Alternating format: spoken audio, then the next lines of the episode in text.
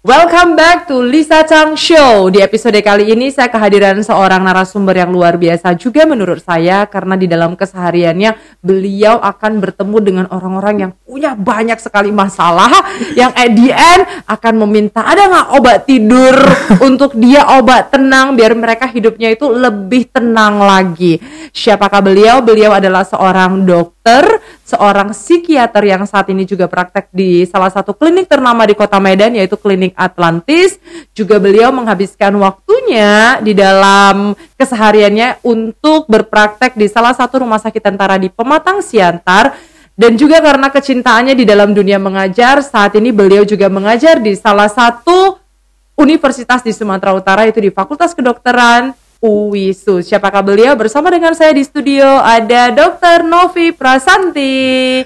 Assalamualaikum dok. Waalaikumsalam. Iya sehat ya. Oke. Alhamdulillah. Dan dok kita langsung saja ngambil topik kita hari ini teman-teman yang kita bahas adalah tentang pernikahan. Topik yang saya rasa topik yang akan membuat semuanya melek karena kita tahu bahwasannya sekarang ya dok tingkat perceraian semakin tinggi terus kemudian banyak orang membenarkan segala cara Ya. ketika gagal dalam pernikahan terus kemudian mereka ya banyak lah dok ya saya, sepertinya nggak saya yang cerita nanti langsung dengan dokter dan di sini saya sudah mengumpulkan beberapa pertanyaan yang sudah dipengen ditanya sama em, audience dan mereka itu udah kayak nge-DM pertanyaan-pertanyaan yang mungkin bisa dijawab oleh dokter. Namun sebelumnya dok kan banyak orang kenal namanya psikolog dan psikiater. Mungkin dokter boleh sharing actually what is the difference psikolog dengan psikiater biar tahu dulu mereka. Iya. Em, biasanya kan kalau psikolog ya itu biasanya tamatan dari sarjana psikologi ya. Eh, mereka S1-nya psikologi, kemudian ngambil S2-nya profesi psikolognya ya. Tapi kalau psikiater itu biasanya dari mulai dunia kedokteran di mana eh, beliau sebelumnya dokter Mm-mm. ya, kemudian mengambil lanjutan sekolah pendidikan dokter spesialis eh, kedokteran jiwa. Sehingga eh, perbedaannya antara psikolog dengan psikiater ini gini. Kalau untuk konseling ya, untuk menceritakan semua masalah mungkin dua-dua bisa ya. Yes. Tapi untuk dalam ranah yang lebih spesifik, misalnya membutuhkan pengobatan itu bisa rata-rata ke psikiater. Jadi eh, psikiater bisa mengeluarkan resep obat. Nah, Mm-mm. tapi statement sekarang kan kalau ke psikiater tuh nanti dibilang yang udah tanda kutip gila gitu Iya, ya. bener. Nah, sebenarnya eh, ruang lingkup psikiater itu sendiri banyak ya, banyak banget. Eh, orang yang mengalami gangguan tidur, kecemasan, depresi, bahkan kadang-kadang eh, yang punya masalah problem dalam hidup ya berkaitan dengan reaksi penyesuaian ataupun eh, anak-anak yang mengalami autis, hiperaktif, gangguan belajar itu juga rata-rata sekarang sudah bisa ke psikiater. Nah, bahkan ada kondisi-kondisi penyakit tertentu dalam medisnya yang menyebabkan perubahan kondisi mental. Nah, itu juga bisa ke psikiater. Jadi eh, ke psikiater itu bukan hanya orang yang mengalami gangguan eh, psikotik Psiko- atau ataupun yang kita bilang yang tidak sesuai dengan realita dan kenyataan. Jadi Hmm. apa pun bisa berkaitan dengan kondisi mental karena banyak hal yang kadang-kadang kita nggak das nggak mendasari dan kita nggak tahu dari awal oh ternyata saya punya loh kecemasan yang saya pikir kayaknya ini saya oke-oke aja tapi Mm-mm. udah ke berobat ke segala dokter jantung saya normal asam Iya. lambung saya kenapa terus-terusan udah minum asam lambung obat asam lambung nggak sembuh-sembuh nah itu biasanya bisa bisa konsul ke konsul ke psikiater. psikiater. Nah, di dalam keseharian selama ini menjadi seorang psikiater, Dok, masalah yang paling sering banyak muncul itu orang ketemu dokter itu masalah apa sih? Eh, sebenarnya balance ya banyak ya. Memang ada yang murni gangguan jiwa psikotik ya, schizophrenia, ada yang berkaitan dengan gangguan mood, apakah itu bipolar ataupun mungkin depresi. Mm-mm. Nah, gangguan cemas, gangguan penggunaan zat, bahkan sampai yang ada orang tua yang sudah mengalami eh, demensia pikun Mm-mm. dir- eh, didasari dengan perubahan kondisi mental itu juga ada. Waduh, ini berarti dari anak-anak sampai Benar. dewasa ya? Iya, tapi kalau anak kan kita memang punya Yes. spesifik ya. eh, jadi kita nanti kadang-kadang kalau masih bisa kita tangani, tapi kalau tidak kita akan oper ke psikiater anak. Setelah ketemu dengan psikiater, apakah wajib udah langsung kayak dikasih obat? Karena Oh, kan enggak, enggak, konteksnya enggak.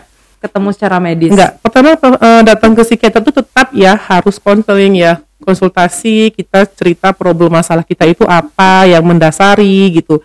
Nah, kemudian kita lihat, kita kan punya screening ya, dari screening tools itu apakah dia mengalami gangguan mental yang sangat berat atau masih kategori sedang ataupun mungkin kategori ringan. Jadi kalau biasanya sih kita kalau yang derajatnya ringan kita nggak pernah kasih terapi obat. Tetap kita gali adalah psikoterapinya. Psikoterapi itu berkaitan dengan bagaimana cara merubah persepsi ataupun pola berpikir dan tingkah laku seseorang untuk menjalani hidup apa adanya dan mencapai kebahagiaan yang optimal. Jadi kalaupun dia ada masalah dia punya suatu mekanisme yang harus Iya. dia siapkan seperti itu nantinya ke depan Nah, kalau dia dibantu dengan farmakoterapi ataupun pengobatan itu biasanya dengan derajat-derajat yang mulai sedang ke berat. Nah, yang memang sudah membutuhkan. Tapi apakah itu bagian dari ketergantungan obat nantinya? Kan itu persepsinya kalau ke psikiater nanti ketergantungan obat dikasih obat penenang Iya, gitu ya. iya. Sebenarnya nggak semua obat dari psikiater itu obat penenang. Jadi eh, kadang kita langsung udah dibilang dok saya dapat obat penenang nggak sih nanti? Loh, eh, sekarang yang menjadi obat penenang itu apa? Kadang-kadang pasien ngerasa kalau udah minum obat psikiater tidur. Nah, memang ada Tenang. efek obat itu yang menyebabkan Ngantuk. tapi itu bukan obat penenang. Ya, antipsikotik oke. itu bukan obat penenang. Antidepresan itu juga bukan obat penenang. Jadi banyak hal, tapi karena ada efek ngantuknya dibilanglah obat penenang. Dikasih suntikan dibilanglah obat, Obat penenang. penenang. Padahal antidopamin ada, ya banyak mood stabilizer ada. Jadi Oke. beragam. Nah, apakah ketergantungan itu tergantung dengan kitanya gitu. Kalau memang kita sudah bisa menjalani proses dari psikoterapi yang bagus sehingga kita bisa timbul mindset yang positif nantinya ke depan Hmm. dalam meregulasi problem ataupun masalah, Ah, ah. itu pasti obat akan di tapering off. Jadi dia diberikan uh, start logos loh, perlahan Hmm, dengan hmm. dosis yang rendah, naik, naik, naik, kemudian turun, turun, turun, turun perlahan sampai Oh. akhirnya tidak menggunakan obat. Nah, cuman terkadang pada pada saat obat diberhentikan itu memang biasanya pasien itu yang kadang nggak percaya diri, nggak mau gitu kan dok. Saya nggak yakin nanti kalau dokter stop obatnya nanti dulu loh dok, minggu depan aja seperempat dulu, seperti itu. Padahal kita lihat dia sebenarnya sudah oke, sudah stabil gitu, sudah ada penurunan, sudah harus penurunan dosis gitu kan. Cuman dia belum siap. Nah, kalau dalam hal ini berarti kita harus menguatkan dari segi psikoterapinya. Mm-mm. menggali bagaimana cara banyak ya psikoterapi itu ada kognitif behavior terapi ya. Ada kognitif terapi ada psikodinamik psikoterapi ada mindfulness gitu ya. Jadi Banyak banyak banget banyak banget ya kita lihat ini si orang ini karakternya gimana biasanya jadi ada yang beberapa nggak bisa dihipnoterapi juga kan Iya. ya jadi kita mainkan dengan cara Oke, berarti psikiater ada lakukan hipnoterapi ya? ada beberapa psikiater yang bisa melakukan hipnoterapi Oke. Walaupun eh, jarang sekali kita lebih banyak dengan cara kognitif behavior terapi, psikodinamik biasanya seperti itu ataupun psikoterapi suportif bagaimana kita memberikan ketenangan, kenyamanan ha. sama pasien. Kemudian mem- bagaimana mendekatkan diri ya kita supaya dia juga bisa berpandangan bahwasanya hidup itu sebenarnya, Sebenarnya, indah iya. gitu ya. Walaupun memang banyak masalah namanya juga- orang hidup kan, cuman bagaimana dia siap secara eh, dirinya secara sadar, secara secure, nyaman itu semua kita persiapkan dengan psikoterapi. Jadi kadang-kadang kenapa sih datang ke psikiater ini obatnya lama amat ya sampai satu tahun, dua tahun ya. Memang penstabilan kan tadi saya bilang obat itu dipakai dengan start logos loh. Mm-mm. Naiknya perlahan. Kayak antidepresan sendiri itu mungkin cuma dua mingguan baru nampak reaksinya. Bayangin dia minum Oh. obat dua minggu, gejala depresinya baru mulai berkurang. Mulai ber- menurun. Tapi kita barengin dengan pemberian anti cemas gitu kan, obat penenang sedikit. Nah, tapi setelah antidepresannya itu mulai bekerja stabil, nah anti cemas ataupun penenang itu turunkan secara perlahan. Tapi tetap nggak bisa hanya dilakukan dengan minum obat aja kan dok? Tidak, tetap tidak. wajib Tetap harus, harus, ada konseling. Jadi ini Mm-mm, harus teman-teman tahu jangan menggunakan obat penenang tidur dan semuanya karena aku nggak bisa tidur terus aku cari obat penenang tidur Iya. aja. This is not a solution. Tetap wajib bertemu Benar. dengan psikiater dua-duanya Harus jalan. berjalan bersamaan jadi ya. Nah, di sini untuk teman-teman ya, ingat Anda sembarang beli obat tidur di tempat yang tidak benar adalah melanggar undang-undang hukum benar. Undang-undang hukum. Gara-gara mengantongi obat tidur tanpa ada rekomendasi dari seorang psikiater bisa masuk penjara sekarang ini. Hmm, hati-hati itu. Tapi memang nggak bisa mudah didapatkan kan dok? Ya untuk beberapa wilayah juga, tapi saya kadang-kadang nggak tahu pasar Iya. gelap tuh ada Kita aja. tidak tahu juga. Itu on of America. Iya. Yes, so um, ini udah pertanyaan beberapa yang mengenai tentang pernikahan. Nah, dok, kalau dari pengalaman ini kan banyak nih orang datang dengan bersegulumit lah cerita ketemu dengan dokter secara pribadi. Kalau setiap hari itu ada nggak sih yang ketemu dengan dokter cerita tentang problem tentang pernikahan gitu? Ada sih Selalu yang ada berkaitan ya, dengan ya? pernikahan itu pasti. Oke, ada. Sebelum pertanyaan ini saya muncul, menurut dokter em, pembahasan pernikahan ini kenapa sebegitu penting? Karena setelah tiap hari dokter bertemu atau kayak udah list, oh my god, ini apakah? Iya. Karena pernikahan tuh udah seperti di negara kita di Indonesia seperti salah satu kewajiban ya. Kayaknya orang menikah kan sekarang ya kayak semua orang menikah begitu ya. Kayak kalau lu nggak nikah, lu kok nggak nikah, Lis? Kira-kira gitu. Nggak laku katanya. oh my god. Jadi memang banyak ya konflik pernikahan. Nah, terutama itu ya wanita-wanita ya, kaum wanita dan kemudian eh, remaja-remaja juga banyak yang backgroundnya Masalah adalah cinta. mas bukan bukan masalah cinta. Eh, banyak pelajar-pelajar itu justru, justru datang ke saya itu dengan masa lalu korban dari eh, konflik orang tuanya. Oh. Nah, jadi itu eh, makanya mungkin topik pernikahan ini perlu dibahas. Gimana sih khususnya kaum wanita itu supaya bisa lebih kuat gitu, dia nggak lemah. Ya semua orang juga nggak mau sih itu lemah ya, tapi boleh-boleh aja lemah. Namanya kita baru suatu mengalami suatu regul apa perubahan hidup ya. Mm-mm. Ya boleh, tapi pikirkan ke depannya kita harus bangkit kembali. Nah, ini makanya cocok sih memang ini dibahas untuk biar wanita-wanita Indonesia, perempuan Indonesia ya bisa meregulasi diri bukan hanya dengan tangisan, bukan hanya dengan menyakiti diri ataupun mungkin mengakhiri hidup. Iya. Dok, nanti kalau yang dengar pria marah dia sama saya. Apakah ada nggak sih yang punya masalah pernikahan yang datang ketemu psikiater tuh pria? Ada tapi minoritas. Oke, ada kok. Jadi Ada, tenang ada. ya.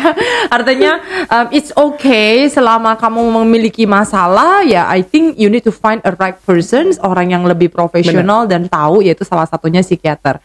Oke dok, kita langsung ambil satu dulu dong ngomong pernikahan. Titipan saya baca ya dok ya. Oke. Dokter ngambil yang paling panjang terlebih dahulu ya. Yes. Menurut dokter secara pribadi gitu kan, ini pengalaman juga boleh. Kita tahu ya dok ya, perceraian itu adalah hal yang tidak pernah diinginkan oleh semua pasangan. Saya tekankan ya, nggak ada kok orang di sini yang mau menikah untuk the end tuh cerai gitu ya. Tapi alhasil banyak juga yang pernikahannya gagal. Nah, menurut dokter, kesiapan mental apa sih yang harus dipersiapkan seseorang Oke. sebelum dia itu memutuskan cerai? Nah, saya selalu bilang sama Di, di- pertanyaannya langsung cerai dulu, menikahnya belum. Tapi nggak apa-apa lah. saya selalu bilang sama klien-klien saya ya, terutama yang kaum kaum hawa ya perempuan. Em, apa yang memotivasi sampai akhirnya anda bersiap untuk berkisah sama pasangan anda? Saya selalu bilang seperti itu.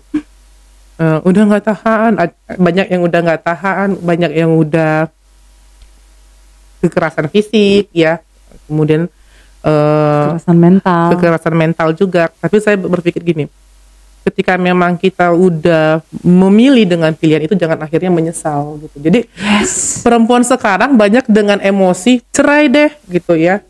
Tapi dia nggak pikir kesiapan dia terjun bebas aja. Ujung-ujungnya apa? Nggak ngerti mendarat. Iya, nggak ngerti mendarat, tenggelam. Jadi Yes. dia nggak sanggup menghadapi hidup. Akhirnya ya udah bagus mati. Nggak dia nggak pikir tuh bontot-bontotnya yang lain-lain. Ya, jadi pertama kali memang harus kesiapan diri kita dulu. Kita tanya sih, ini kamu udah siap lahir batin nggak? Berjuang sendiri berat, ya berat, tapi bukan berarti nggak bisa dilalui. Nah, itu yang pertama, kesiapan kita. Jadi pikirkan berulang kali kalau memang kata hati kita sudah mengatakan ya mungkin bagi yang muslim ya kita bisa sholat istikharah ya mohon petunjuk sama Allah gitu ya mantapkan hati apakah ini memang pilihan sudah terbaik apa tidak nah yang kedua dari segi kita nggak munafik ya finansial juga harus dipikirkan ya kamu eh, ibu rumah tangga misalnya tidak berprofesi apa pun. Nah, kan harus berjuang. Pikirkan cara, bukan kita bilang dia tidak akan berjuang, nggak usah. Kamu ke ibu rumah tangga bertahan aja, nggak seperti itu juga. Silahkan, tapi dia harus mempersiapkan dirinya secara matang. Apa yang akan dia tempuh dalam finansialnya? Apa yang akan dia tempuh? Bagaimana untuk bertahan hidup dengan anak-anaknya jika si suami mantan suaminya nanti tidak memberikan nafkah lagi. Walaupun mungkin di pengadilan sudah ada tercantum si suami memberikan hak ini ya, Iya, kepada anak dan ya. semuanya. Tapi terkadang kan kita nggak tahu berjalannya Yes, hidup ya benar. segala macam godaan ya nggak terbayarkan. Nah di situ kadang-kadang eh, perempuan itu ibu-ibu tuh yang udah stres ekonomi. Oke. Nah itu dia harus persiapkan. Kalau dia belum mampu mempersiapkan itu dia berproses dulu sampai Hmm. akhirnya dia siap. Nah yang ketiga bisa nggak menenangin hati si anak Mm. pasti re- eh, efek dari perceraian anak. Iya. Eh, orang tua tuh harus bisa mengadakan pendekatan ya. Bukan berarti bercerai suami istri terus anak itu juga akan pisah.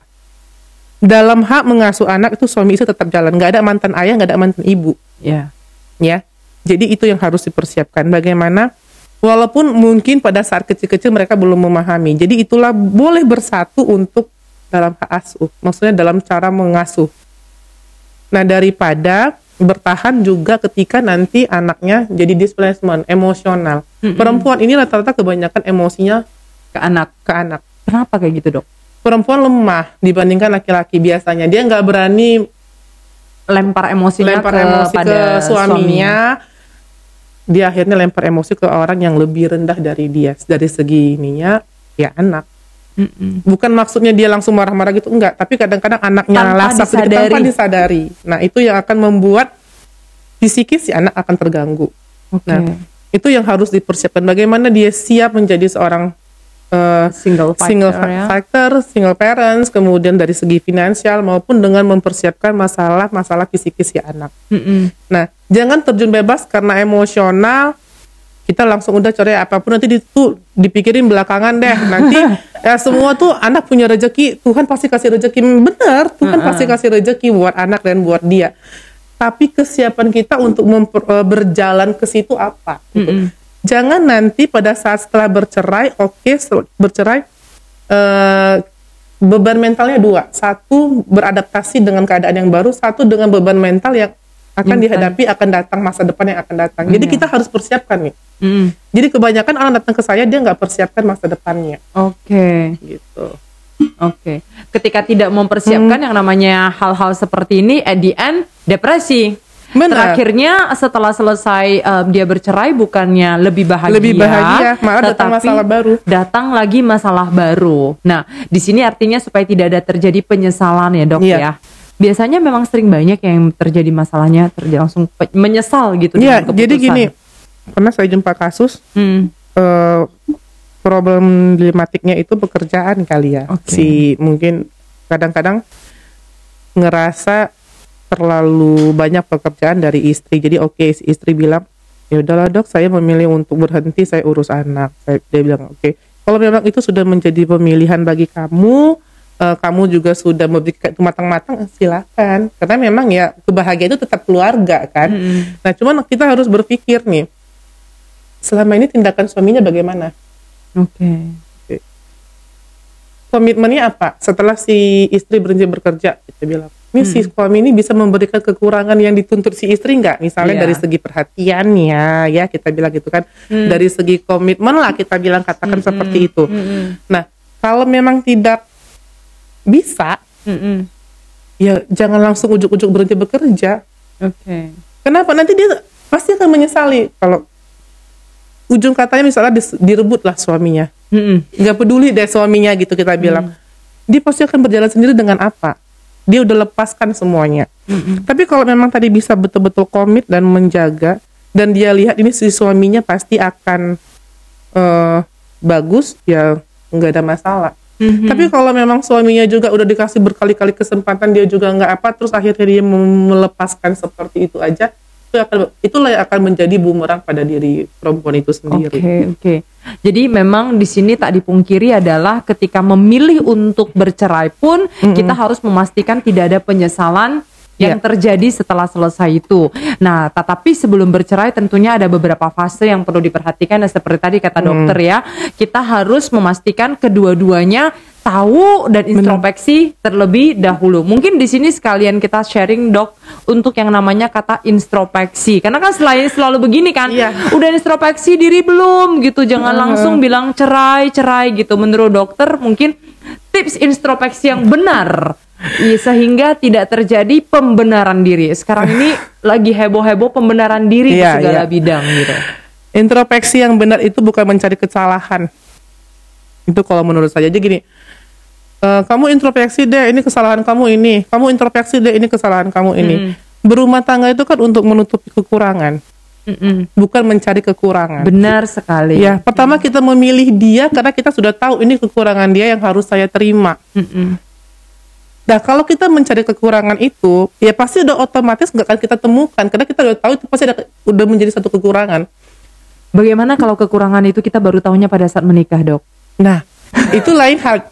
Tanyakan kembali kita mampu nggak menerima itu. Gitu. Kalau kita nggak kita coba, kita try berkali-kali nggak mampu, ya udah katakan menyerah. Mm-mm. Heeh. Tapi kalau kita mampu jalan saja. Mm-mm. Nah, orang yang sering introspeksi dalam mencari kesalahan, kesalahan pasangannya apa? Kamu ini kesalahan kamu ini ini ini ini ini. Kamu juga ini kesalahan kamu ini ini ini. Enggak seperti itu. Pasti akan lebih terpuruk. Tapi belajarlah untuk mencari introspeksi apa sih yang sudah kita jalani bersama sehingga kita bisa bertahan sekian lama. Mm-mm. Carilah proses itu. Kita udah bertahan 20 tahun, kita udah bertahan lima tahun, kita udah bertahan 10 tahun. Mm. Nah, apa yang membuat kita menjadi menyatu Segitu lama ya. segitu lama dan kebahagiaan apa yang udah kita raih? Mm-mm. Mm-mm. Mm-mm. bukan kesalahan apa yang kita miliki. Oke. Nah, bisa nggak sih ini kebahagiaan ini kita raih lagi, kita pertahankan lagi, kita perbaiki lagi? Itu baru introspeksi. Yes. Tetapi ini tidak bisa dilakukan oleh satu pihak. Bener. Iya. Jadi buat satu eh, checklist Yes. ya. Oke, boleh-boleh aja pasangan kamu maunya apa, saya maunya apa, checklist. Bicarakan berdua. Tapi intinya berarti tetap berdua ya, Dok ya. Benar. Nggak ada usaha itu cuman satu orang. Dan dalam rumah tangga tuh nikah kan berdua. Benar. Suami dan istri. Yes. Buat anak juga berdua, suami dan istri. Nggak terus, bisa satu terus orang. kalau untuk memperbaiki kan nggak mungkin satu orang. Benar, gitu. benar. Jadi memang harus dua-duanya mau memperbaiki. Tapi kalau memang salah satunya sudah tidak mampu dan tidak mau lagi memperbaiki, maka yang ini bagaimana? Itu kan sekarang That is the pertanyaannya. problem. Iya. Dan itulah yang membuat kenapa orang memilih berpisah. Iya, itu dia. Nah, jadi kadang-kadang kita ngerasa gini, em, apa ya? Kita merasa udah ya udah deh, dia udah mau ini, ngapain juga saya harus bertahan gitu Iya, ya. toh dia nggak mau bertahan. Kalau dia nggak mau bertahan, nah boleh, oke, it's oke, nggak ada masalah.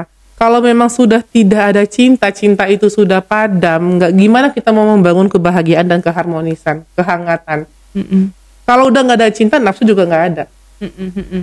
Nah, tapi selagi masih ada yang bisa diperbaiki, perbaiki. Mhm. Nah, banyak orang bilang suami istri itu penyelesaian di tempat tidur. Memang benar gitu. Ketika di tempat tidur semua gejolak asmara itu muncul kembali. Jadi coba dilihat terkadang mungkin yang menjadi suatu rentetan ya dalam rumah tangga pertama hubungannya sudah mulai merenggang. Sudah sama-sama sibuk. Ya, istri sibuk, suami sibuk, komunikasi dua arah nggak ada kadang-kadang perlu perlu banget ya dalam rumah tangga itu 10 menit pun jadi saat sebelum tidur itu bersenda gurau di atas tempat tidur Mm-mm, mm-mm. itu yang akan membangun semua atau mempertahankan chemistry Oh my god. 10 menit saja Nggak usah 10 banyak-banyak menit ya. sebelum kita beraktivitas bangun pagi Mm-mm. hanya sekedar bisikan sayang bisikan apa itu akan membuat adrenalin pagi itu rasanya si suami semangat si istri semangat. Itu penting ya. Nggak usah sampai harus berjam-jam. Pasti akan kalau kita sudah berdebat sedikit dalam rumah tangga itu gampang sekali. Lima menit aja berdebat ujung-ujungnya bisa tiga hari nggak cakapan. Itu yang paling banyak biasanya terjadi.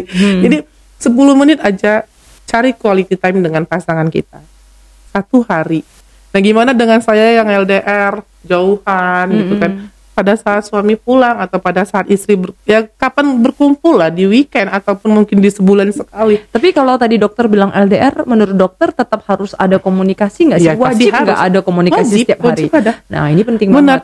wajib ada. Eh, bukan si suami jangan mau pikir ini istri lebay banget sih. gitu kan. Si istri pun jangan juga berkali-kali juga, gitu kan. Karena kan prinsipnya si cowok juga nggak suka bolak-balik dihubungin. Ya, tetap kan kalau kita jauhan ini tempat tugasnya jauh dalam satu hari itu berapa kali komunikasi? Malam. Oke, malam sama-sama sudah istirahat, sama-sama sudah di rumah. Nah di situ boleh dengan anak, dengan ya sekarang sudah canggih zaman kan, nggak ada video call atau apa pun kita bisa menjalin komunikasi. Nah bahkan kata-kata mesra sendiri itu walaupun dengan jarak jauh itu akan menimbulkan kehangatan. Mm-mm-mm. Nah itu yang harusnya dibangun. Oke.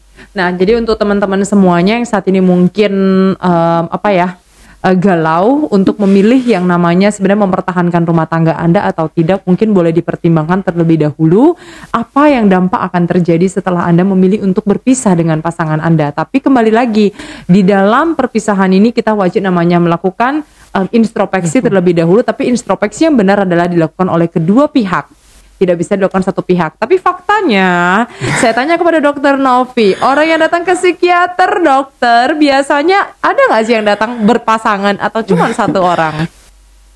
Ada beberapa yang memang datang bersama-sama, ya. Tapi biasanya tuh nggak ke dok, nggak psikiater dulu, Ke psikolog dulu. Bukan ke dokter keluarga Oh. dengan berbagai ke- keluhan misalnya maaf maaf sebelumnya eh istrinya ngerasa deg-degan setiap berhubungan atau serasa sakit bahkan Yes. mungkin suaminya ngerasa nggak apa gitu nah Yes. datang ke konseling ke dokter yang lain dulu Ah, gitu, ke dokter ah, ah. keluarga atau mungkin dokter urologi dokter kandungan yang seperti Ah, itu ah, biasanya ah, ah. ada problem problematik nah biasa seperti itu baru pure datang ke psikiater bersama-sama setelah direkomendasikan teman sejawat gitu ya Mm-mm.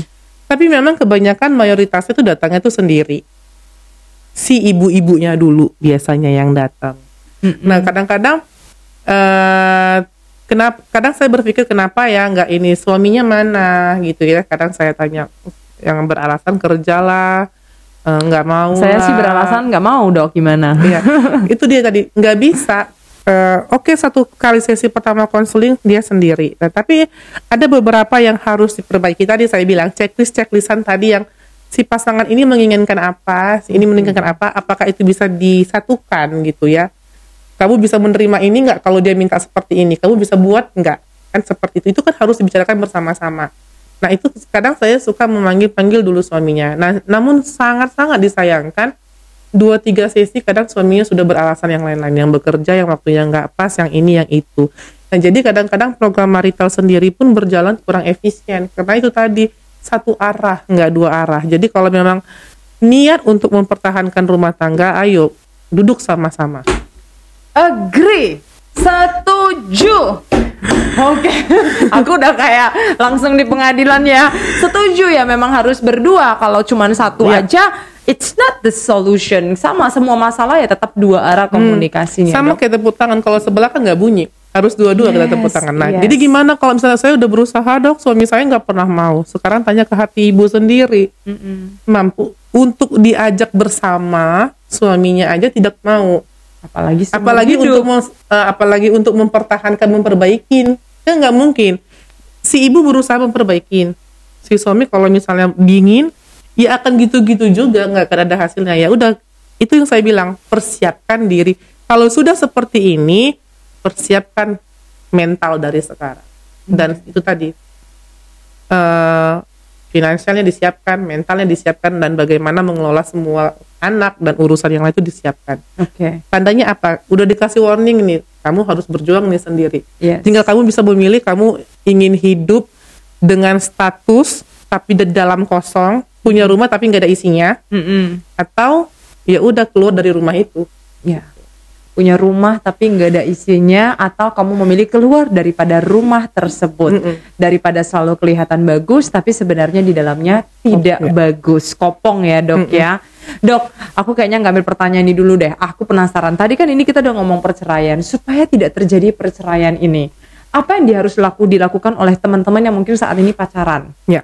Nah, jadi mereka bisa punya persiapan. Walaupun persiapan matang tidak memberikan jaminan.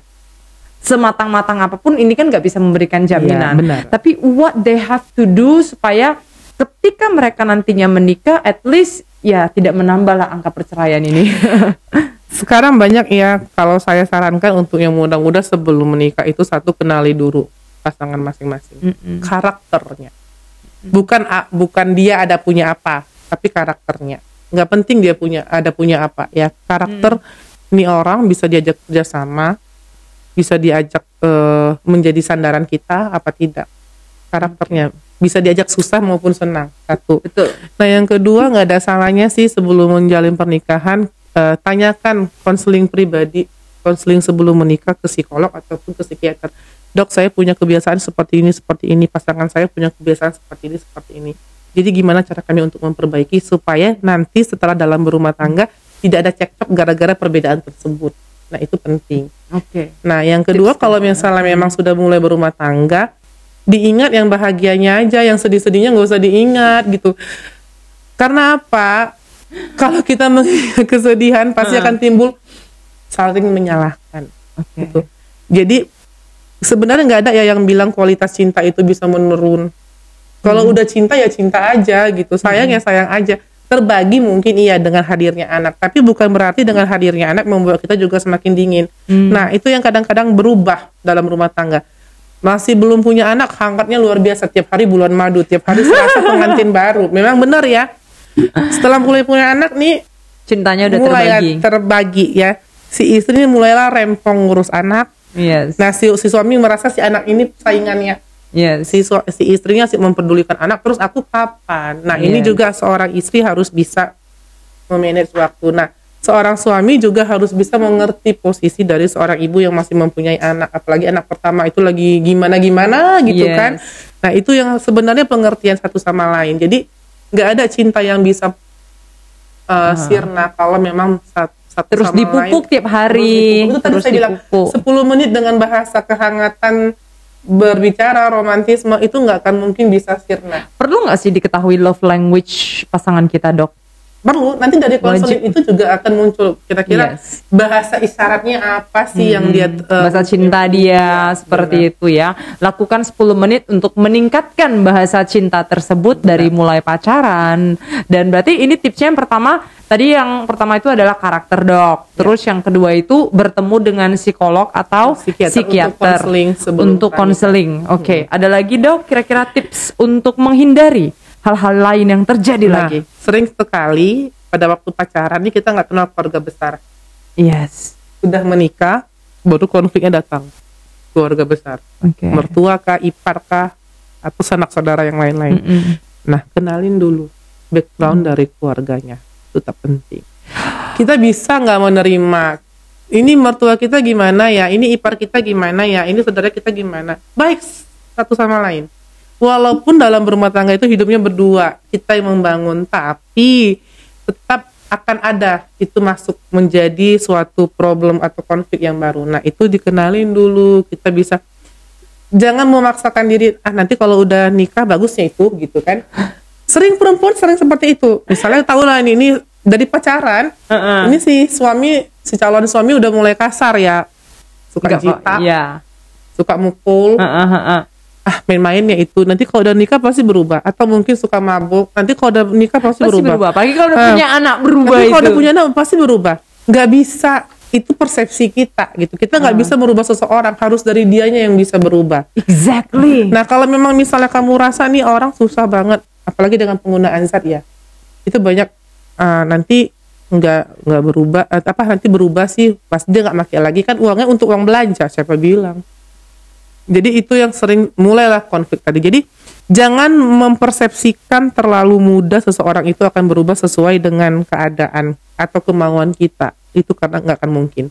Orang bisa berubah itu kalau memang dari dirinya yang berubah Benar. bukan dari orang lain dan kita jangan menopang harapan dengan orang lain ketika nanti suami kita ataupun siapa yang kita harapkan untuk beru apa baik dengan kita itu enggak kita akan jatuh dan rasa sangat terpuruk jadi yakin tetap sama diri kita sendiri. Ini kita mampu nggak sih jalanin dia kayak gini? Dia seperti ini. Kita terima apa enggak? Kalau kita sanggup menerima, jalan. Tapi kalau kita nggak sanggup, lepaskan. Berarti kita bisa bilang ya kebiasaan seseorang itu it's hard to change. Kalau dia mau berubah ya dari dirinya, Dirinya. sendiri gitu. Bukan karena sudah menikah, bukan karena sudah punya anak. Ya. Dan dari pengalaman dokter sendiri biasanya nggak berubah ya dok ya? Jarang. Jarang ya. Saya juga tadi waktu dokter bilang saya jadi teringat ya memang enggak gitu loh. Dan memang pembenaran diri ini yang kita lakukan di awal dari pacaran tuh mungkin sudah tahu, tapi kita melakukan pembenaran diri. Nah, ini benar sekali untuk para pasangan yang belum menikah yang saat ini sedang mendengarkan. Jadi mungkin diperhatikan dengan baik-baik. Kesempurnaan itu memang tidak ada. Nah, Benar. ini sering orang mengambil pembenaran ini dok. Gak ada lah Lisa yang sempurna anakku.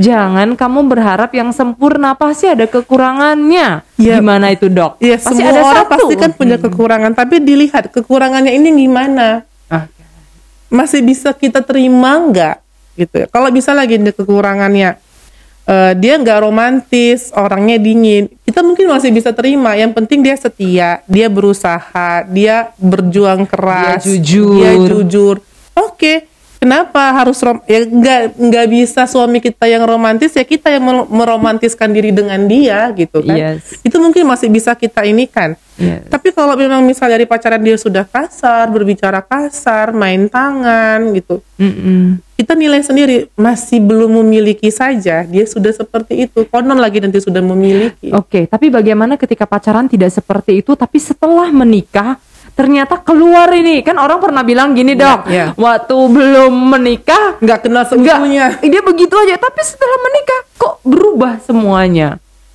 Ya, kalau memang misalnya terjadi itu kan kita nggak ada yang tahu ya perubahan. Nah, nggak mungkin seseorang itu bisa berubah drastis tanpa sebab pastinya. Oke. Kita cari tahu dulu penyebabnya apa. Ada nggak sih dari bahasa kita yang salah, sikap kita yang salah sehingga eh, pasangan kita menimbulkan kekerasan? Mm-mm. Ataupun mungkin ada faktor eksternal lainnya. Ataupun memang dia sudah seperti itu, tapi waktu Tapi pacaran iya, Anda tidak tahu. Iya, Gitu. benar. Makanya saya bilang harus tahu dulu semua secara latar belakangnya, keluarganya bagaimana itu penting. Oke. Latar belakang keluarga bahkan teman juga Teman. lingkungan dia semuanya. Waduh ini ini pilih pacar tuh bukan seperti pilih baju terus lihat yang mana diskon terus kamu ambil. Tapi sekarang banyak ikatan kontrak sebelum nikah. Oh iya iya iya Iya. iya mereka buat kontrak sebelum nikah. Iya, Sebenarnya secara mental itu oke nggak sih dok? Enggak sih, saya rasa untuk apa ya gitu ya. Bukan harus kontrak itu yang menjadi jaminan gitu ya. Bagaimana sikap satu sama lain. Tapi mungkin aku aku ketemu beberapa teman yang melakukan kontrak ini mereka mengatakan biar ada ketenangan juga gitu dok. Gimana pandangan dokter? eh, masing-masing orang beda sikap ya, beda Yes. menyikapinya ya. Kalau memang itu memang membuat ketenangan sih, ya udah jalan. Eh tapi kontrak itu nggak jadi jaminan juga kan gitu. Yes. Maksudnya bukan kontrak yang kamu ini ini ini ini ya, ini ini ini ini. Enggak enggak seperti itu gitu. Tapi bagaimana kita komitmennya itu tanpa harus secara tertulis pun itu menjadi komitmen yang tertanam dalam diri masing-masing itu yang lebih penting bukan sekedar hitam di atas putih. Yes. Karena menikah itu ya walaupun ada hitam di atas putih itu hanyalah sebuah formalitas yang paling Benar. penting itu di dalam proses kehidupan Hmm. em, sampai tua bener-bener ya merasa kebahagiaan lah. Iya. Intinya tadi saya sempat ngobrol sama teman kan dia bilang ya kalau sekarang udah bahagia terus kalau kita menikah malah kita makin tidak bahagia. Ya udah jangan paksakan diri. Justru menikah itu bukan mengambil sebuah beban, tapi Benar. justru ketika kita menikah kita berbagi beban, Beban. tersebut gitu Jadi ya. gini kita kadang ngerasa dulu bahagia kali ya waktu pacaran, kemudian setelah nikah kok nangis aja gitu ya, Eh, konflik aja yang datang. Oke kita telusuri kita analisanya sebenarnya masalahnya di mana antar masing-masing antara si A dan si B pasangan suami istri ini di mana. Kita udah ketemu nih masalahnya apa, dibicarakan apa caranya untuk menyelesaikan ini. Nggak ketemu juga dan akhirnya semakin apa ya semakin kusut masalah itu ya sudah tanya hati kita jangan paksakan diri kita untuk bertahan ya kalau memang apa nggak mampu bertahan ya udah silakan nanti hubungan saya jadinya makin gak enak dok sama orang lain kemudian nanti gimana kalau kami jadinya musuhan atau kami nanti stigma mungkin dari iya, orang luar. keluarga besar terus musuhan nggak bisa kan kita berharap semua itu sesuai dengan keinginan kita yang baik-baik saja. Segala sesuatu itu kan pasti ada komitmen dan konsekuensinya. Nah, tinggal kita menjalani. Itu kan semua proses berjalannya waktu. Ya pertama-pertama pada saat perceraian ini nggak akan mungkin keluarga ini bisa calling down ya. Pasti akan sedikit menegang. Pasti satu sama lain me- secara rasionalisasi akan melakukan pembenaran. Si anaknya benar, si ininya benar gitu ya. Tapi lambat kelambat lama laut kan akan ada adaptasi. Proses dari waktu itu kan terus berjalan. Jadi wajar kalau di awal-awal itu panas, tapi lama kelamaan itu pasti dia akan dingin. Dan setelah lama kelamaan itu ya udah udah jalan secara masing-masing. Hanya bersatu untuk anak. Walaupun banyak sekali konflik yang niat awalnya adalah untuk urusan anak bersatu, pada akhirnya jalan masing-masing juga. gitu. itu tadi perempuan harus kuat gitu. Jadi kalau saya nggak setuju kalau dibilang perempuan itu makhluk lemah. Siapa bilang perempuan itu makhluk kuat? Kenapa? Bisa melahirkan, bisa ngurus rumah tangga, bisa bekerja dan semua dia bisa. Hidup perempuan. Bukan bukan underestimate dengan laki-laki, tidak Iya, laki-laki iya. juga bisa gitu. Benar. Cuman kan selalu kan perempuan ini terstigmanya dia menjadi orang yang lemah padahal dia bisa kuat seperti kaum laki-laki juga. Nah, Iya. itu yang membuat kadang-kadang stigma dia lemah itulah yang membuat kadang-kadang eh, dia ngerasa depresi dengan dirinya nggak mampu bertahan, nggak mampu untuk melanjutkan hidup. Mhm. Padahal kalau dia punya keyakinan dengan dirinya dia bisa bertahan. Mm-mm. Aduh, oke, I do agree dok. Oke, dok, kalau kita ngomong nih, ini kayaknya ceritanya makin panjang. Saya tambahin dulu pertanyaan dari sini dulu dok. Oke, Oke. silakan satu. Nih. Ah, topik yang lagi hot. Pelakor dan pebinor. menikah atau mereb- menikah dengan merebut pasangan orang lain. Ya atau merebut pasangan orang lain lah ya secara mental. Itu apa pandangan dokter? Orang yang direbut dan orang yang em, merebut juga gitu ya. Biasanya sih punya latar belakang yang sama ya. Satu mungkin dia nggak dapatkan sesuatu dari pasangannya yang dia cari dengan orang lain. Mm-mm. pasti itu latar belakangnya. Apakah itu dari segi apa ya perhatian ketenangan jiwa romantis mungkin bagi si perempuannya ataupun dari segi finansialnya. Nah kecuali kalau memang orang yang memang udah ada hypernya ya oke lah dia nggak akan puas dengan satu pasangan itu memang ada ya dok ya? Ada yang seperti itu oh dia memang kayak sakit jiwa atau apa dok? Bukan sih biasanya orang dengan gangguan mood atau bipolar tuh nafsu seksnya lebih meningkat. Oh jadi kadang-kadang gimana, dok? Aku jadi penasaran. Biasanya kadang-kadang orang yang bipolar gitu ya Heeh. dia ada sedikit meningkat nafsu seksnya. Jadi terkadang-kadang sama pasangan itu apa ya kayak kurang bisa mengimbangi kurang puas. Padahal kayak sudah puas juga cuman dia memang nafsunya yang lebih. Jadi dia itu kadang-kadang mau mencari. Oke nah itu tapi selagi masih bisa kita ikuti pasangan yang masih bisa menyanggupi ya sanggupin aja cuman memang kadang-kadang eh, fantasi dan hiperseksnya lebih tinggi dibandingkan yang normal Oke. Eh, untuk pasangan bipolar, kita bisa taunya dari mana dia itu bipolar atau tidak? Karena kondisi bipolar ini kan adalah terjadi pergantian suasana hati yang secara signifikan Benar. di waktu yang jangka waktu yang sangat pendek. Em, Eh, itu makanya kalau memang ini, ini yang misalnya mengerikan kan dok, karena saya menemukan eh, mungkin ada orang yang dia bipolar tapi dia nggak notice dia bipolar. Problemnya itu. Ada yang mungkin dia sudah notice dia itu bipolar. So kalau misalnya bipolar itu kan banyak ya jenisnya ada yang episode depresi ada juga yang manik nah biasanya kan kita bisa melihat nih orang ini orang tiba-tiba asik nang- nangis sedih terus beberapa fase dia tuh fine fine aja bagus bagus tiba-tiba kok nggak kayak biasanya nih ya mungkin pada saat pacaran kan kita kan bisa mengenal apalagi kalau mungkin misalnya udah bertahun-tahun ya mungkin ada pergeseran moodnya yang swing gitu ya Iya, Nah, pusing. itu kita harus bisa tanyakan pasangan kita ini sebenarnya mengalami gangguan mood nggak sih, mengalami Hmm. bipolar apa tidak. Gitu. Nah kalau memang misalnya dia mengalami bipolar, ya jalani terapi gitu. Baik itu psikoterapi, ya kalau memang moodnya lagi terlalu manik dan mungkin memerlukan farmakoterapi, ya jalani dengan farmakoterapi Bukan dibiarkan. bukan dibiarkan. Nah, terkadang ya itu tadi kalau satu satu orang sudah tahu ciri khasnya, ya. Bukan untuk ma- harus malu tidak. Bukan untuk menghakimi. Iya, bukan untuk menghakimi dan harus eh, yang bersangkutan juga harus malu tidak. Justru bagaimana sama-sama mempelajari itu tadi perlunya konseling sebelum berumah tangga. Kita mau melihat nih dari screening mentalnya nih kita ada mengalami cenderung ke mana ya depresi, pencemas, atau mungkin ke bipolar. Jadi kalau kita sudah mengetahui pasangan kita itu kita bisa bagaimana cara menyikapinya, belajar menyikapinya. Jadi suatu saat setelah berumah tangga itu muncul episode maniknya ataupun episode depresinya kita juga sudah tahu bagaimana menyikapinya. Makanya itu yang penting tadi screening mental sebelum berumah tangga itu Bagi orang lain kayaknya bukan itu gitu kan. Tapi sebenarnya kesiapan mental inilah yang akan mempengaruhi keberhasilan dalam rumah tangga. Oke, oke.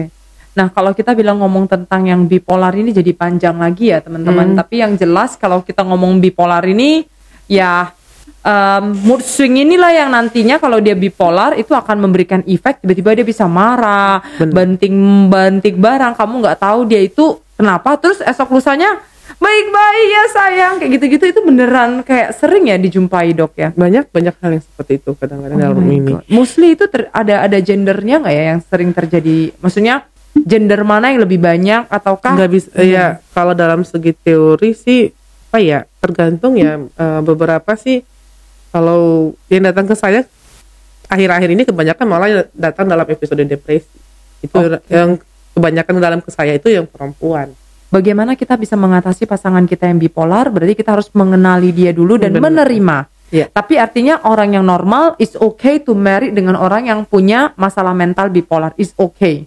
nggak ada masalah Oke. kalau dia bisa menerima itu ya walaupun nanti secara faktor genetik gimana ya pasti ada semua gangguan mental tuh secara genetik ada Oh bipolar itu genetik dok? ada genetiknya Oke. Eh, semua gangguan mental skizofrenia depresi ansietas bipolar itu secara genetik pasti ada Oke.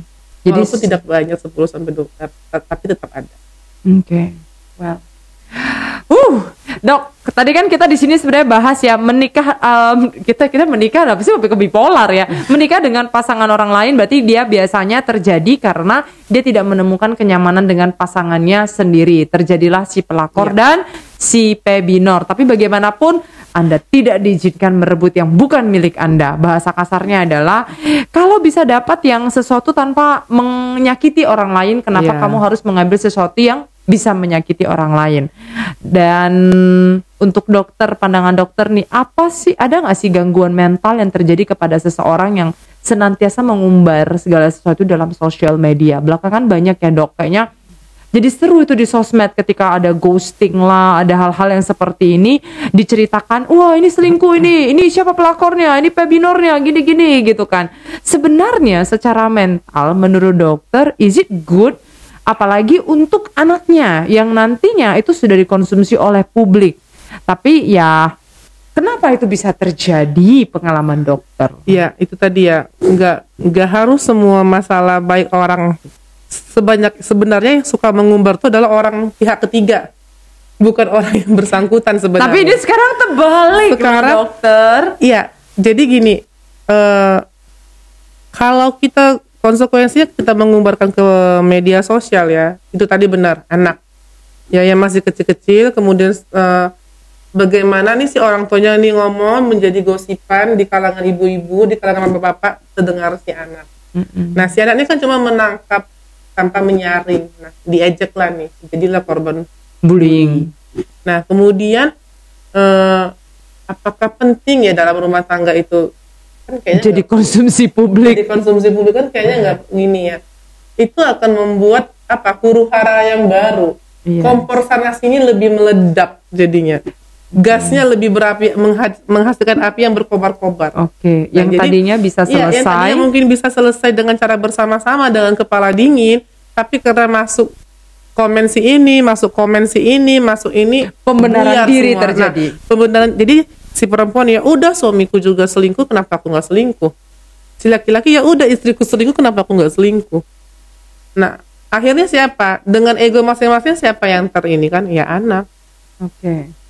Jadi kesimpulannya adalah tidak dibenarkan karena itu akan Benar. mengganggu ke mental baik si anak maupun mental diri sendiri. Iya. Dia akan menjadi lebih bimbang. bimbang, ambivalen dalam menentukan sikap ini harus baga- bagaimana ya. Sementara seperti yang saya bilang tadi, kita harus meyakinkan diri kita dulu, kesiapan diri kita dulu, percaya diri kita dulu, kita sudah mampu apa belum. Jadi kalau kita misalnya dengan menggu jangankan sosial media ya, ke keluarga besarnya kadang-kadang si Kesiapan adik mental. bilang gini, si ayah bilang gini, si ibu bilang gini, si ipar bilang begini, pasti bingung. Nah jadi biasakan dalam rumah tangga itu ya curhatnya itu ya sama Allah, sama Tuhan kita. Tuh. Yes. Yang kedua, ya selesaikan sama-sama. Yes. Nggak perlu ada yang tahu. Yes. Nah orang tua itu sebenarnya kalau sudah kita dengarkan cerita kita pun akan menambah beban dia juga. Benar sekali. Jadi kita selesaikan dulu. Jadi bukan berarti pengaduan di mana-mana gitu ya. Benar. Kita mengadukan begini, Benar. begini gitu. Itu akan membuat kita jadinya susah dalam mengambil kesimpulan. Jadi lebih bagus pikirkan matang-matang secara bersama-sama. Harus dua arah, sama-sama. Ingat, harus dua arah. Rumah yang kokoh itu tidak ada tiang berdiri sendiri. Tiangnya selalu ada dua sisi. Oke ya? Di take note ya. Jadi um, biar pembenaran dirinya supaya teman-teman tahu ini dilakukan di dua arah. Silakan lagi, Dok. Ini kita bisa makin hot ini. Ini pebinor-pebinor, pelakor-pelakor tahu diri ya. Anda nggak usah takut sih. Sebenarnya itu banyak kok kehidupan orang yang bahagia. Ya, tanpa Jadi harus kalau- merebut orang punya tanpa orang harus lain. merebut orang punya. Jadi jangan Anda melihat kehidupan pertemanan Anda yang mereka nggak bahagia terus kamu jadikan sebuah stigma pernikahan tuh nggak bahagia. Hello, pernikahan tuh banyak yang bahagia, oke? Dan satu lagi, kadang-kadang orang membenarkan diri gini. eh, biasa suami orang lebih kaj- lebih tajir. Ya, ya. Gak mau memulai dari nol. Padahal sebenarnya sama-sama yang indah itu yang mana yang dari nol. Yes. Iya kan? Tapi nanti udah dari nol Direbut. lirik lagi dia. Jadi kadang-kadang ada orang yang mau instan. Heeh. Nah, mau mendapatkan itu jadi menghalalkan segala cara. Ya, perhatiannya pasti lebih dong. Kemudian finansialnya pasti lebih dong dibandingkan yang pertama. Nah, itu coba deh balikan jika Anda di posisi yang pertama. Itu gimana ya? Iya. Karena kita hidup tuh lebih baik saling menjaga. Benar. ya apa pun ceritanya nggak ada pembenaran itu yang merebut itu jauh lebih baik kecuali mungkin dengan status jadi kalau memang misalnya ini udah terjalin nih ki- kisah cinta nih antara istri orang dan suami orang selesaikan dulu nih konflik dengan si masing-masing pasangan nah mereka mau bersatu ya silakan tapi percayalah ya hukum Tuhan itu tetap ada gitu Benar sekali. Jadi Anda tidak perlu khawatir. Aku jadi penasaran, Dok. Sebenarnya orang ini kan kita bilang mental tentang seseorang yang udah punya pasangan. Terus dia pasti memiliki mantan. Hmm. Either itu mantan pacar atau mungkin mantan istri dia, mantan suami dia gitu. Sebenarnya secara mental kalau dia memiliki mantan, apakah akan memberikan pengaruh yang sangat besar ketika dia memiliki pasangan yang baru? Karena ada orang kan begini, ya dia kan masih akan ada hubungan nih dengan mantannya dia karena mungkin hubungan anak kah atau hubungan yang kita tidak ketahui dan alhasil bisa nggak nanti benih-benih cinta secara mental tuh akan hidup kembali lagi mempengaruhi dia dengan pasangan yang baru. Kalau memang kita udah memutuskan untuk membuka lembaran baru yang lama ya sudah jangan dikaitkan lagi ke dalam hal yang baru kecuali itu tadi misalnya gimana dalam mengurus anak gitu ya. Ya boleh sama-sama tapi tidak mempengaruhi kehidupan yang baru. Oke. Jadi, jangan jangan mengambil kadang-kadang kan suka gini ya. Udah nikah nih masing-masing, ketemu dalam hal misalnya anak curhat nih dengan masalah pasangannya. Nah, itu yang akan membangun atau membuat gejolak lagi gitu. Nah, Yes. Ya kalau kita memang me- sudah memutuskan untuk dengan kehidupan yang, baru. baru, ya sudah yang baru, yang lama itu ya memang hanya untuk apa tanggung jawabnya yang sama yang lama. Misalnya hanya untuk anak. Ya yang dibicarakan cuma masalah anak, nggak ada masalah yang lain-lain. Jangan Hmm. masalah problem dengan pasangan yang baru pun dijelaskan. Malah kadang-kadang curhat-curhatan lagi. Ya Yes. sudah, itu juga akan merusak. Karena kan komitmen dari awal sudah berpisah. Ya udah berpisah. itu akan kasihan dengan pasangan dia yang baru Benar. karena ternyata anda nggak belum move on anda Iya. mencari pasangan baru itu hanya sebagai Pelampiasan. pelampiasan kasihan ya untuk anda para pria dan wanita ingat mencari pasangan baru bukanlah tempat pelampiasan tapi anda sudah mengenal dan mengetahui bahwa ini keputusan terbaik untuk meninggalkan yang lama membangun yang baru oke pertanyaan berikutnya dok. Di sini pertanyaannya saya udah langsung buka ya.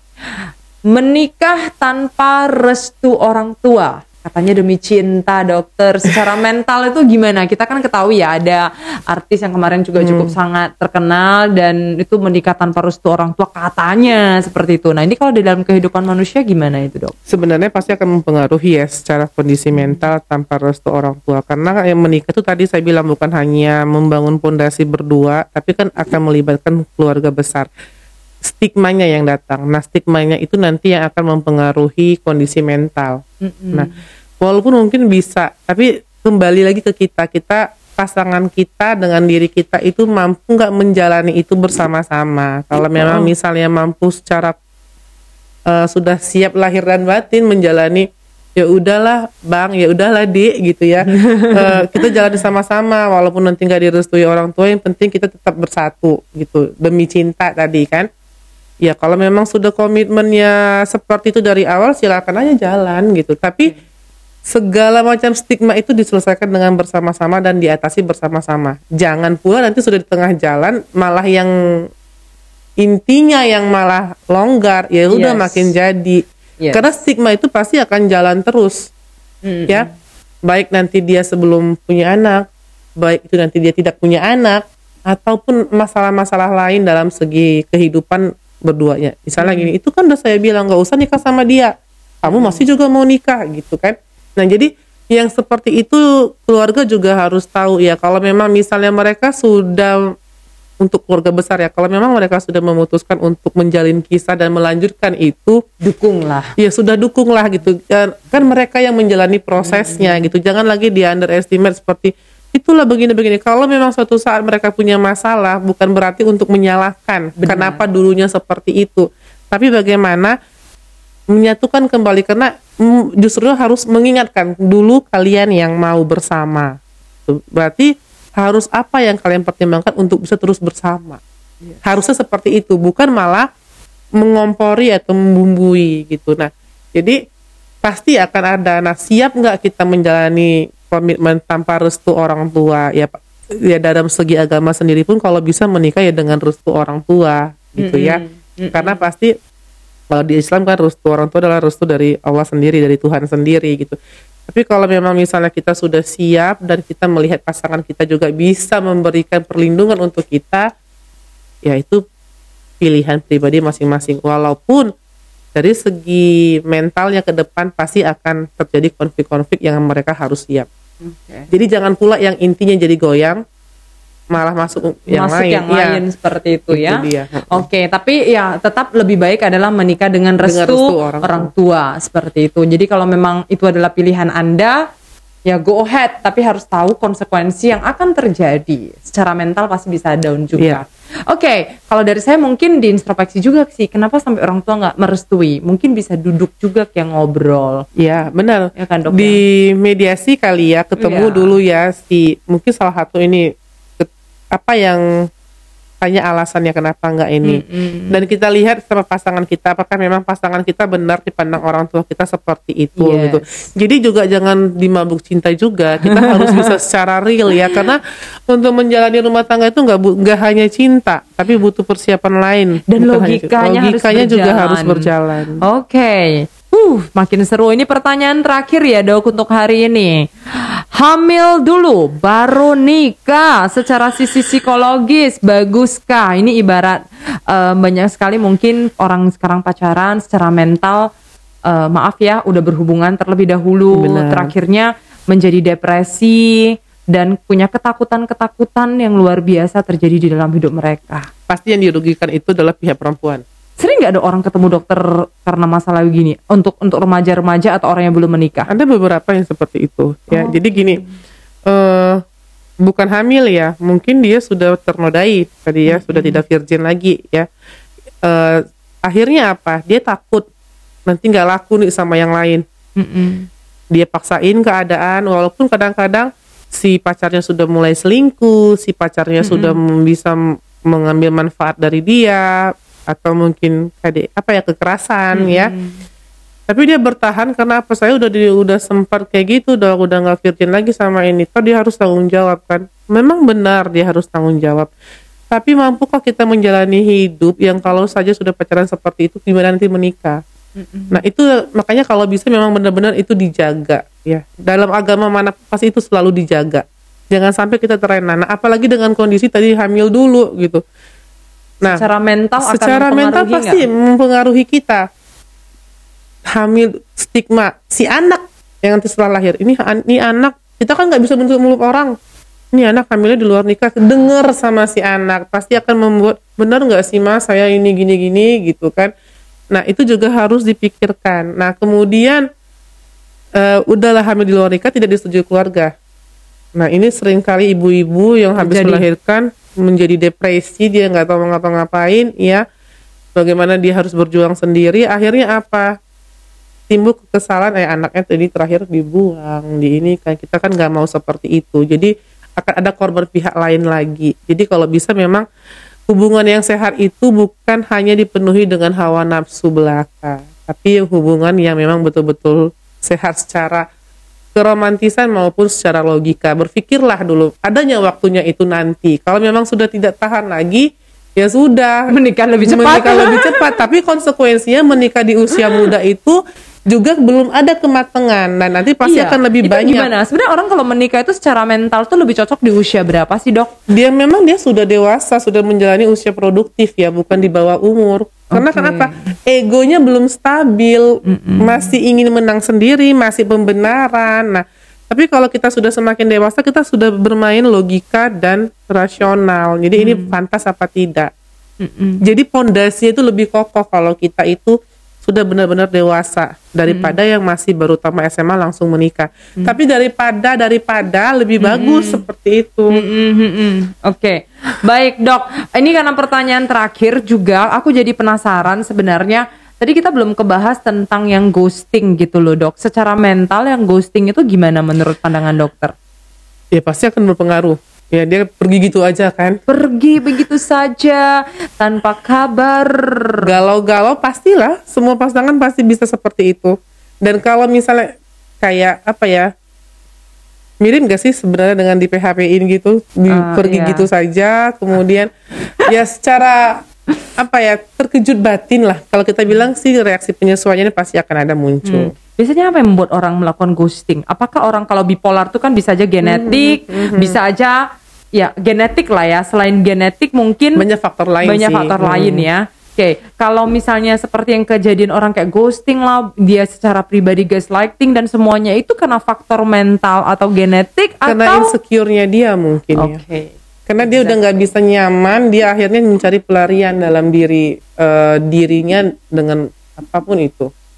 Nah orang kenapa bisa menjadi stres ya? Pasti pertama dia nggak nyaman dengan apa yang akan dia hadapi dia, dia dirinya sendiri. ya.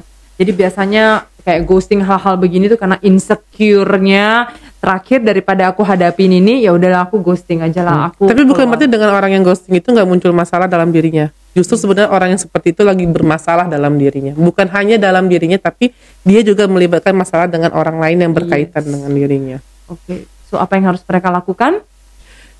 Ya kenali diri dulu. Tetap semuanya kita harus Kata kenali diri. kuncinya adalah kenali diri kamu sebelum kamu mengenali orang lain. Sehingga hubungan yang kamu lakukan dengan siapa pun Benar. itu bisa harmonis, bisa damai, bisa bahagia. Jadi dia bergantung pada dirinya sendiri, bukan dengan orang lain. Karena kalau kita bergantung dengan pasangan juga nggak bagus. Oke. Kalau gitu dok, kayaknya ini di penghujung acara kita satu pesan yang pengen dokter sampaikan kepada orang-orang yang hari ini mendengarkan dengan topik pernikahan. Ya, jadi saya berpesan ya sama siapa pun ya, baik itu laki-laki, perempu, eh, perempuan, ya. Tadi saya memang ada bilang ya, cari kebahagiaan dalam diri kita, ya. Tapi bukan berarti itu membenarkan semua eh, menikah itu mudah dan bercerai itu gampang Yes. gitu ya. Nggak ada nggak demikian. Kalau kita sudah berusaha untuk membangun rumah tangga, maka pelajarilah step by step. Namanya udah tangga, ada tanjakan dan kadang kita bisa terpleset, bisa terjatuh, tapi kan kita bisa naik kembali. Ya, harus ada usaha dalam memperbaiki dan udah pasti dalam memperbaiki itu komunikasinya harus sama-sama suami dan istri karena yang membangun itu juga sama-sama. Jadi kenali pasangannya dulu satu sama lain sebelum menikah. Karakternya seperti apa, dia seperti apa, kekurangannya apa yang harus kita terima. Dan kalaupun ada permasalahan dalam rumah tangga itu hal yang wajar dan bukan berarti semua permasalahan itu harus diakhiri dengan perceraian tidak. Harus ada pondasi dalam usaha kita. Kita udah berpacaran 10 tahun terus berumah tangga cuma satu bulan pisah gitu ya. 10 tahun kita bisa mempertahankan. Kenapa satu bulan kita tidak berusaha untuk mempertahankan menjadi lebih dari 10 tahun? Nah, jadi ya, tapi kan saya nggak bahagia. Nah, kalau kamu tidak bahagia, kenapa kamu memilih jalan itu terlalu singkat untuk menikah? Jadi mencari kebahagiaan itu bukan keluar diri. Bukan lari dari masalah, tapi menyelesaikan masalah. Apabila kita sudah berproses tidak bisa lagi diselesaikan, ya udah kita katakan menyerah untuk diri kita. Menyerah bukan berarti kita itu nggak bisa move on, kita bisa akan bangkit kembali dengan kehidupan kita yang lebih baru. Tapi tetap berusaha mempertahankan itu jauh lebih baik daripada melepaskan begitu saja. Oke. Baik, Dokter Novi begitu mendalam sekali untuk teman-teman semuanya. Tentunya untuk Anda yang sedang mendengarkan, baik Anda dalam um, proses bercerai ataupun Anda dalam proses bingung apakah dia pasangan saya yang tepat atau tidak, atau mungkin Anda dalam proses Anda tidak mau bercerai tapi Anda mempertahankan. Atau mungkin Anda adalah orang-orang yang menikah karena hamil duluan ataupun Anda menikah tanpa restu orang tua, apa pun posisi Anda, kata kuncinya adalah sebenarnya diri kita sendiri. Satu lagi mungkin ketinggalan boleh, ya, yang boleh. berkaitan dengan uh, anak ya. Saya bilang yes. gini, uh, semua orang yang udah berumah tangga pasti akan memikirkan anak. Apa pun cerita pasti akan memikirkan anak. Tapi misal apabila kita sudah berusaha menyelesaikan, kita sudah berusaha terus menerus untuk memperbaiki, tapi tidak ada ketemu jalan keluar Nah, anak itu juga harus kita pertimbangkan gini, kita bukan harus bertahan supaya si anak ini memiliki keluarga yang utuh. Tidak juga demikian, gitu ya. Ini bukan berarti kita nggak berusaha dulu ya. Ini kita katakan kita sudah berusaha sampai batas maksimal, sampai titik yes. penghabisan. Nah, terus gimana nih kalau saya mau menikah dengan uh, mau bercerai, terus anak saya gimana? Hmm. Itu tadi yang saya bilang di awal, persiapkan kondisi mental si anak. Yeah. Ya. Uh, kita bertahan pun terlalu lama kita sudah berusaha atau tidak juga ada feedback dari pasangan kita itu akan membuat mental anak juga semakin down. Semakin hari si anak akan semakin sering melihat pertengkaran orang tuanya. Dari segi psikis mental anak itu tidak akan baik. Anak udah insecure duluan dari kecil. Benar. nah ketika anak sudah insecure dari duluan dari kecil maka dia besarnya akan terbawa. Pada saat dia menanjak di usia 18 tahun dia akan membentuk suatu karakter yang dia bangun dari insecure-nya dia sewaktu dia masih kecil. Nah, belum lagi displacementnya kita, mengalihkan emosional kita ke anak kita, gitu ya. Nah, itu akan mengganggu juga kondisi mentalnya. Nah, mana yang kita pilih? Lebih sehat yang mana? Mungkin kalau memang sudah di titik penghabisan usaha kita tapi tidak berhasil mempertahankan, ya sudah ikhlaskan, ikhlaskan tapi bangun fondasi mental anak itu baik-baik. Tidak ada mantan ibu, tidak ada mantan ayah, tapi bangun bersama-sama walaupun dalam keadaan yang terpisah. Sulit, pasti sulit, tapi bukan berarti tidak bisa berproses untuk itu. Itu yang harus saya pesankan. Oke, baik. Aduh, pesannya makin dalam ya untuk teman-teman semuanya. Yang jelas apa pun kondisi Anda saat ini menghadapi banyak sekali proses percobaan di dalam kehidupan, ingatlah bahwasannya jangan merasa terkungkung di dalam dunia Anda, carilah orang-orang profesional untuk membantu solusi Anda. Anda boleh ngobrol dengan Dokter Novi, seorang psikiater yang memang sudah menghandle begitu banyak sekali masalah. Untuk itu, untuk Anda yang mendengarkan, saya akan memberikan satu statement tentang mengenai dunia cinta. Cinta itu laksana lembah yang dalam dan misteri. Begitulah pernikahan. Mencintai bukan untuk menyamai, tetapi keikhlasan menerima perbedaan. Demikianlah Lisa Chang Show di episode spesial kali ini berbicara tentang pernikahan.